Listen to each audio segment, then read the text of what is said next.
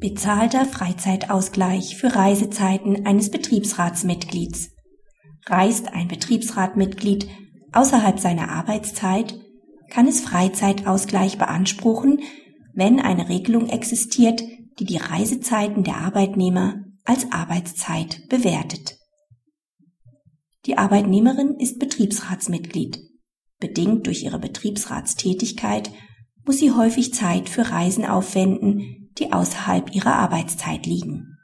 Der auf das Arbeitsverhältnis anzuwendende Tarifvertrag trennt zwischen Grundarbeitszeit und Überarbeit. Arbeitnehmer erhalten eine Grundvergütung und bei geleisteter Überarbeit eine Überarbeitsvergütung mit bestimmten Aufschlägen. Für Sonn- und Feiertagsarbeit sind separate Zeitzuschläge zu zahlen. In einer Betriebsvereinbarung ist zudem geregelt, dass Reisezeiten ausnahmslos der Grundarbeitszeit zuzurechnen sind und sie keine Zeitzuschläge auslösen. Für Reisezeiten, die über die Grundarbeitszeit hinausgehen, ist Freizeitausgleich zu gewähren.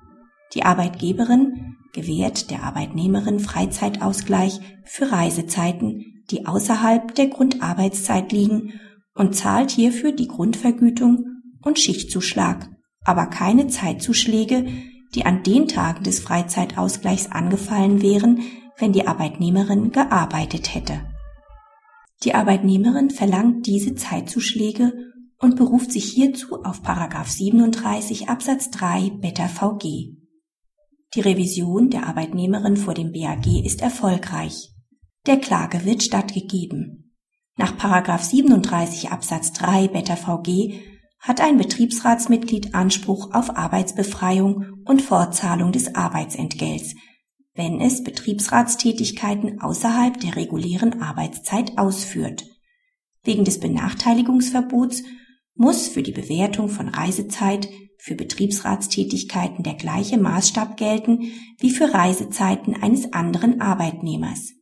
Allen Arbeitnehmern steht daher während des Freizeitausgleichs die Vergütung zu, die sie erhalten würden, wenn sie gearbeitet hätten.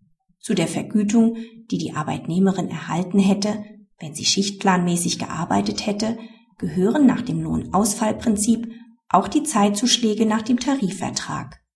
Die Bestimmung der Betriebsvereinbarung, wonach dienstlich veranlasste Reisezeiten keine Zeitzuschläge auslösen, steht dem nicht entgegen, denn dies gilt nur für die Reisezeit selbst. Die Betriebsvereinbarung regelt nämlich, dass für Reisezeiten außerhalb der Grundarbeitszeit Freizeitausgleich gewährt wird. Sie besagt aber nicht, wie die Zeit des Freizeitausgleichs zu vergüten ist. Aus dem Tarifvertrag ergibt sich, dass für die Grundarbeitszeit nicht nur die Grundvergütung geschuldet ist. Nach dem Tarifvertrag sind für Grundarbeitszeit sämtliche Zuschläge zu gewähren.